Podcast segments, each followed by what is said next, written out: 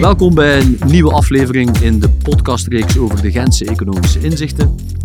Vandaag praten we met professor Marten Ovaren, volgens zijn cv docent aan de vakgroep Economie. Hij focust in zijn onderzoek met name op energie- en milieueconomie, met een focus op elektriciteitsmarkten, energiebeleid, koolstofprijzen en hernieuwbare energie.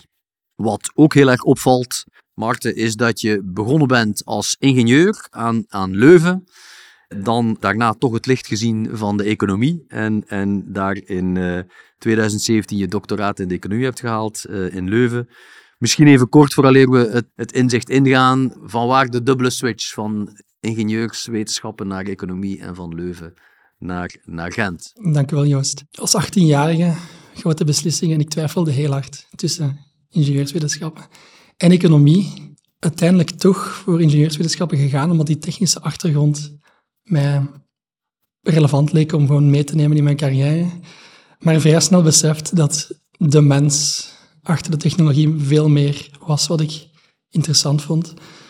Toch doorgezet, maar uiteindelijk beland in de master energie aan de KU Leuven. Dat is een geweldige master met heel veel focus op recht, op economie, bovenop de technische kant van het, net en de centrales. En vandaar uh, professor Stef Proost leren kennen via het vak energie-economie, milieueconomie, transporteconomie. Ik bleef hem maar terugkomen. En uiteindelijk gevraagd voor een doctoraat. En zo uh, toch beland bij mijn grote passie, economie en energie. Waarom Gent? Academisch uh, wereld is een kleine wereld. En um, op zoek naar een job, ik kwam dan terug vanuit mijn postdoc aan de US, in, aan Yale University. En heel erg blij om te kunnen starten aan, aan de UGent. Een, een vakgroep die heel hard ook waarde hecht aan beleid, beleidsrelevantie van onderzoek, wat ik heel erg apprecieer. We zijn collega's in, in de redactieraad van Gentse Economische Inzichten en, en ik ben heel blij dat een van de eerste inzichten die uh, sinds de nieuwe samenwerking uh, uh, tussen ons en de Gentse Economische Inzichten van start is gegaan, van, van jouw hand komt, samen met professor Koen Schoors en met de doctoraal medewerkers Dulster, Hamels en Lavijne ben je auteur van het, uh, van het recente gij dus over de elektriciteitsmarkten. En in onze podcast beginnen we, zoals gebruikelijk, met de samenvatting van het inzicht in 60 seconden in lekentaal. Here we go, luister goed. Jullie concluderen dat vier pijlers, belangrijke pijlers van het marktontwerp voor de elektriciteitsmarkt, het Europese marktontwerp, goed werken. Namelijk ten eerste onbundeling van productie, transport en verkoop. Dat is al enkele decennia geleden gebeurd. Ten tweede de marginale prijszetting, het hot topic eh, van deze dagen. Ten derde de mogelijkheid die de markten aanbieden om contracten af te sluiten op opeenvolgende tijdschalen. Heel eenvoudig gezegd, je kunt ook elektriciteit kopen en verkopen op lange termijn. Heel belangrijk voor industriële afnemers, niet alleen op korte termijn. En ten laatste, wat ook heel goed gewerkt heeft, is de marktkoppeling tussen regio's. De verschillende landen in Europa die hun elektriciteitsmarkt naar elkaar hebben opgezet. Uh, niet alleen economisch, maar ook fysisch, waardoor uh, energie Europees kan, kan verhandeld worden. Toch, en dat is de kern van het artikel, lijkt mij, doen jullie vier aanbevelingen om dat marktontwerp verder te verbeteren. En dat zijn de volgende. Ten eerste het vierde energiepakket, dat dateert al van 2019, verder implementeren. Een heel belangrijk onderwerp, denk ik ook te maken met die marginale prijszetting, prijsstabiliteit verbeteren voor consumenten en producenten van hernieuwbare energie. Een zestal mechanismes worden voorgesteld, van contract for differences over long-term PPA's tot uh, long-term electricity contract companies. Een derde aanbeveling is de elektriciteitsvraag flexibeler maken door automatisatie, lees de digitale meter. En tot slot meer coördinatie van de energietransitie op Europees niveau tussen de landen. Heb ik het zo goed samengevat of zijn er nog andere punten die je eraan zou willen toevoegen op dit moment? Wel, juist een excellente samenvatting. Ik denk dat we meteen kunnen overgaan tot het bespreken van de aspecten die u interessant vindt. Perfect. Als ik dan stapsgewijs door, door het inzicht loop, dan beginnen jullie in de inleiding met de grote vragen die inderdaad nu gesteld worden bij het, het marginaal model. Uh, onder andere ook door Ursula van der Leyen. Uh, België lijkt ook meer op het spoor te zitten van dat dat marginaal model toch tot aberraties geleid heeft. Er zijn ook een aantal landen onder leiding van Duitsland die dat, die dat niet vinden, die, die, die, die, die wel supporters blijven van het marginaal model. Jullie dus duidelijk ook. Kun, kun je daar nog even kort de toelichting over geven wat, wat de verdiensten zijn van dat model en, en, en waarom jullie tot die conclusie zijn gekomen? Klopt, wij zijn voorstander van marginale prijszetting. Um, de reden is, de marginale prijs is het meest efficiënt. is twee kanten, dus de vraagefficiëntie en de um, aanbodsefficiëntie. Laat ik mij kort schetsen. Een, een alternatief dat vaak is voorgesteld is PS-bid. Dus iedereen krijgt niet dezelfde prijs, dezelfde marginale prijs, maar elke producent krijgt exact de prijs die hij heeft ingeboden in de markt. Dat was een, een mogelijk alternatief voor marginale prijszetting. Wat gebeurt er onder dit alternatief? Wel, stel je bent een winproducent en jouw marginale kost is nul. Dan ga je natuurlijk niet inbieden aan de euro, want je maakt geen winst. Je gaat inbieden aan een prijs die zo dicht mogelijk ligt bij wat je denkt dat de prijs zal zijn in de markt. Stel, je denkt dat de prijs 100 gaat zijn, dus je biedt die aan 99 als winproducent. Wat blijkt, uiteindelijk is de prijs 95. Dus je hebt te hoog ingeboden, maar blijkt, wat is het gevolg? Je mag niet meer produceren als windproducent.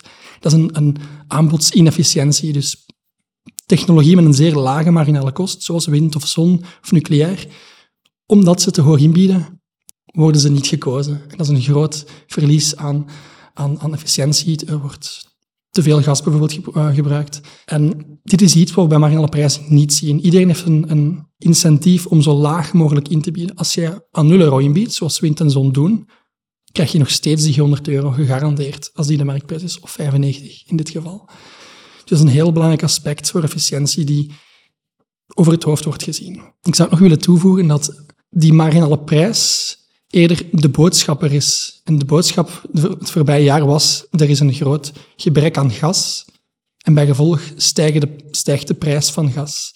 Dus de marginale prijszetting is niet de reden waarom de prijs gestegen is. Het is de boodschapper van de schaarste die in de markt aanwezig is. Dat zijn twee zaken die moeilijk voor voor een buitenstaander uit elkaar te halen zijn. Dat heeft geleid tot hele grote prijsschommelingen.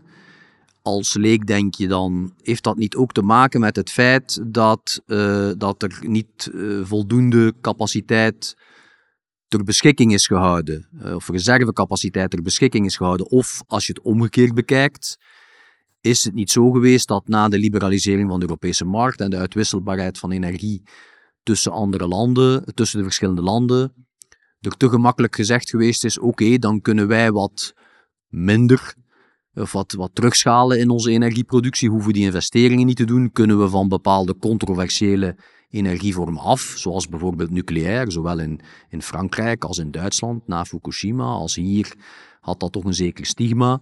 Uh, heeft men dat niet te gemakkelijk uh, in de mottenballen gezet of, of, of zelf gesloten?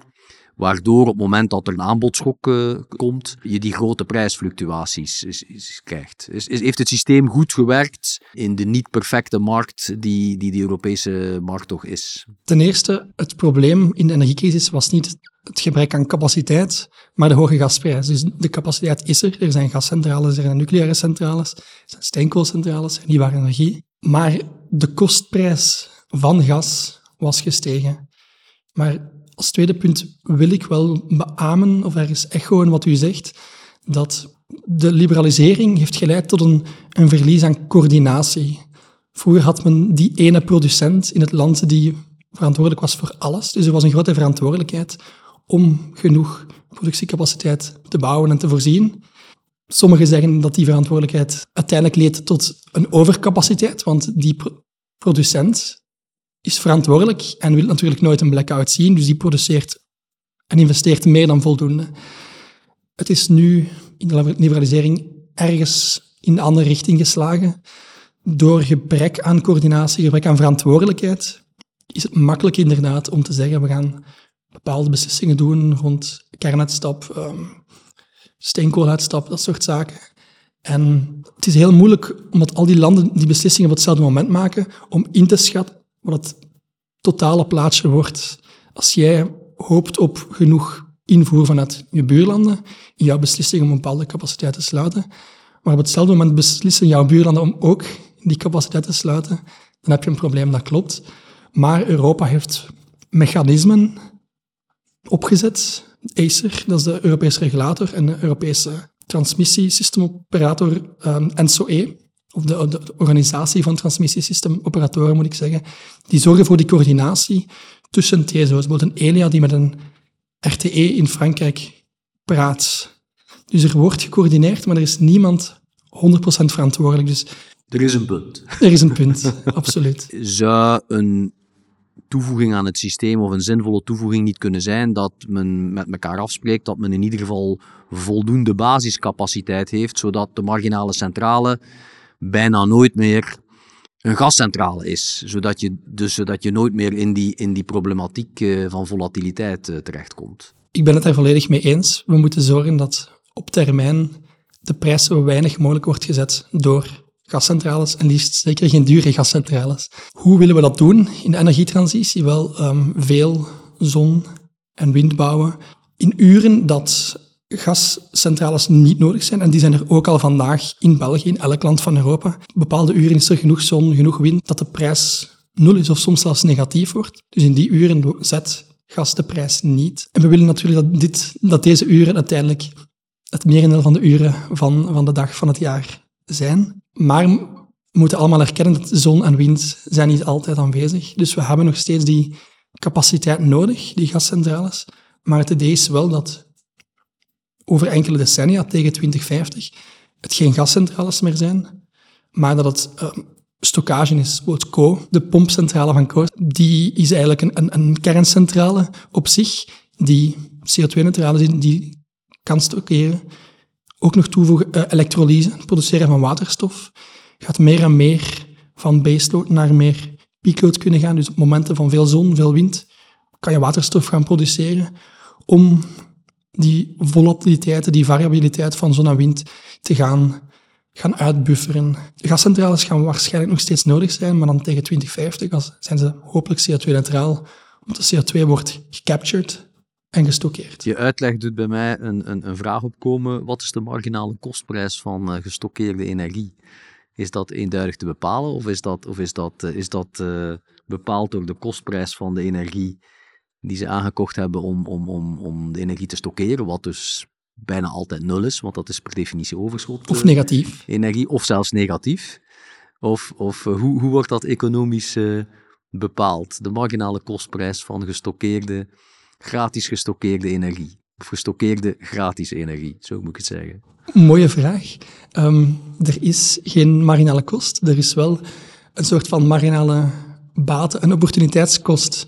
Dus stel je vult jouw pompcentrale met enkele gigawatturen van energie.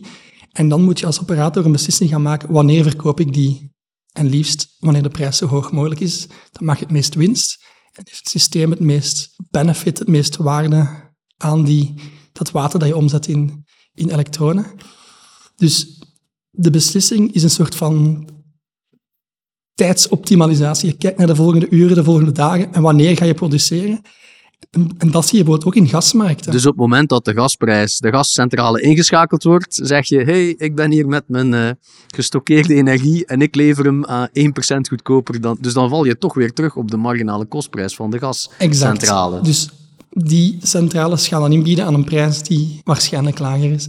Maar ik kan nog terugkomen op het idee van die intertemporale optimalisatie, zoals we dat noemen. Dat zie je ook in de gasmarkt. Dus er is nog steeds ergens een, een risico op gastekorten tegen volgende winter, als het echt een erg koude, lange winter wordt.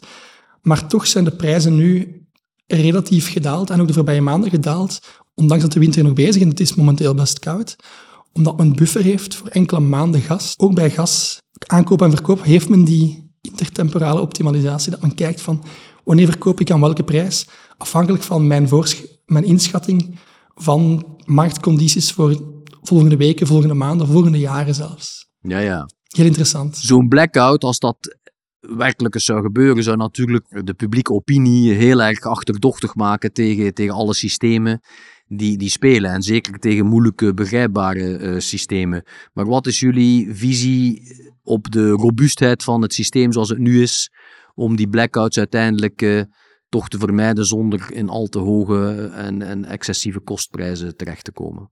Wel, een blackout is altijd mogelijk. Ik, ik kan niet hand op het hart zeggen dat het geen blackout gaat zijn. Maar belangrijk is dat er drie manieren zijn, of drie redenen voor een blackout. Eén is onvoldoende brandstof. Dus niet genoeg gas om centrales te gaan, gaan laten produceren. Die kans achten we vrij klein.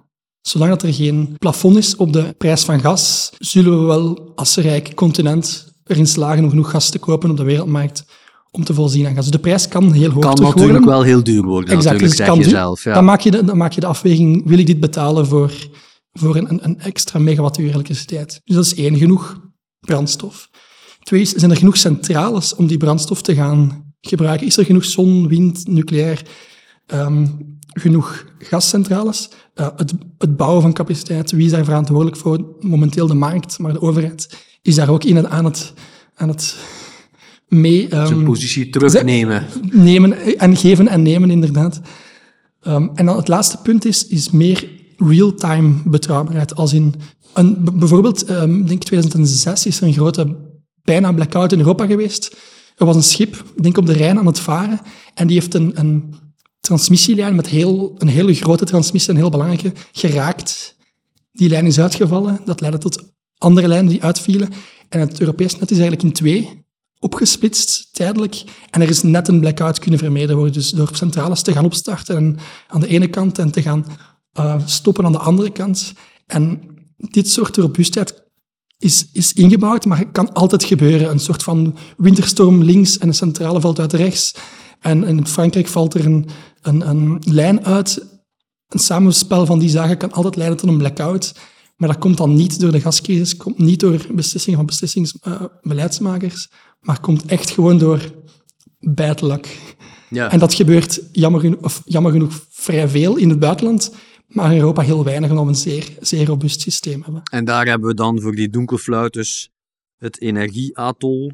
Want een aantal jaar geleden, een tiental jaar geleden denk ik, eh, was er ook al sprake om zo'n eh, energieatol te bouwen. Toen werd dat nog afgedaan als eh, excessief duur. Dat is nu niet meer zo. We zijn, we zijn nu in een periode of een, op een moment aanbeland waar, waarin dat een, een zinvol eh, marginale kostprijs begint te krijgen. Of niet eh, gemiddelde kostprijs. Ik, ik, ik zie, ik zie je twijfelen. Wel, het is niet goedkoop, maar dat is een investering over des, die zich terug gaat betalen over decennia.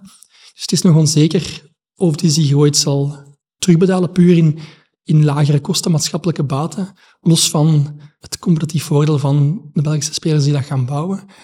Ehm, maar dus wat je aangeeft is het interconnecteren tussen ver afgelegen landen, dus bijvoorbeeld met Denemarken. Hopelijk is daar dan wel genoeg zon en wind in periodes waar wij weinig zon en wind hebben. Dus dat is het idee. Maar de, de tweede bouwsteen voor, als oplossing is elektrolyse. Dus het, het produceren van waterstof met overschotten aan eh, elektriciteit op het moment dat er wel veel zon en wind is. Dus die hebben wel die buffer die over weken, maanden, seizoenen kan, kan werken. Dus daar zijn nog veel vraagtekens over de, over de kostprijs, de technische mogelijkheid. Maar we zien dat waterstof samen met interconnectie met, interconnectie met buurlanden de oplossing zou kunnen zijn, of waarschijnlijk de oplossing is voor die meer langere termijn buffering. En even terug naar het punt van de liberalisering van de energiemarkt. Hoe komt het dat het volgens, volgens jou dat dat dan toch door consumenten niet als dusdanig ervaren wordt? Dat, dat er toch bij vele mensen het algemene beeld heerst, die liberalisering, ja, heeft die nu eigenlijk wel gebracht uh, wat, wat we ervan hadden verwacht? En waarschijnlijk heeft het wat minder gebracht dan men oorspronkelijk had, had verwacht. Is dat zo? En, jullie zeggen van niet, dat is toch goed geweest, maar hoe komt het dat die perceptie dan toch nog uh, zo, zo redelijk wijdverbreid uh, leeft, denk je? De perceptie van mensen is één aspect wat we ook aangeven in dit Gens Economisch Inzicht, is dat er wordt ook wel meer verwacht van mensen in de energietransitie. En dat vergeten we soms als economen of als ingenieurs. Moet flexibel worden, je moet investeren, in, je moet dynamische prijscontracten aangaan. Maar ik kan me inbeelden, niet iedereen is zo gepassioneerd over dit topic als ik, of misschien zoals u. Dus we verwachten wel veel van mensen. En ik denk dat er enkele voorstellen die we doen, is, is om een soort van balans te vinden tussen wat burgerparticipatie en consumenten die actief meedoen.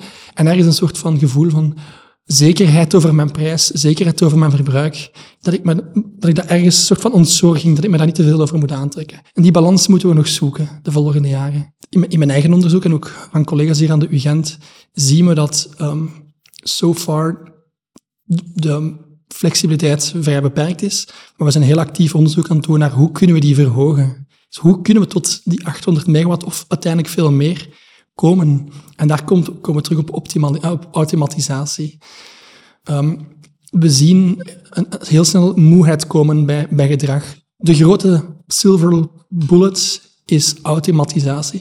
Als mensen één keer instappen in een programma van smart, ehm, slim laden, dan is die flexibiliteit er. Ik denk dat we een mooie tour de horizon gemaakt hebben van het, van het inzicht. Eh, tenzij jij nog eh, andere punten hebt. Het is natuurlijk een onderwerp waar we, waar we dagen kunnen over bezig blijven. We gaan er nog decennia over bleef- bezig zijn eh vooraleer eh, het, eh, het opgelost eh, geraakt. Eh dankjewel, eh eh Marten. Ik ben in ieder geval eh, weer een heel stuk eh, wijzer geworden. Dank wel, Joost. Hier kunnen we inderdaad nog, nog een hele carrière over praten. Eh, met veel plezier een, volgende keer praten we nog over verder. Dankjewel. Dank om te luisteren. Wil je meer info over dit inzicht? Ook dat kan. Surf naar onze website gentseeconomischeinzichten.be. Tot de volgende keer.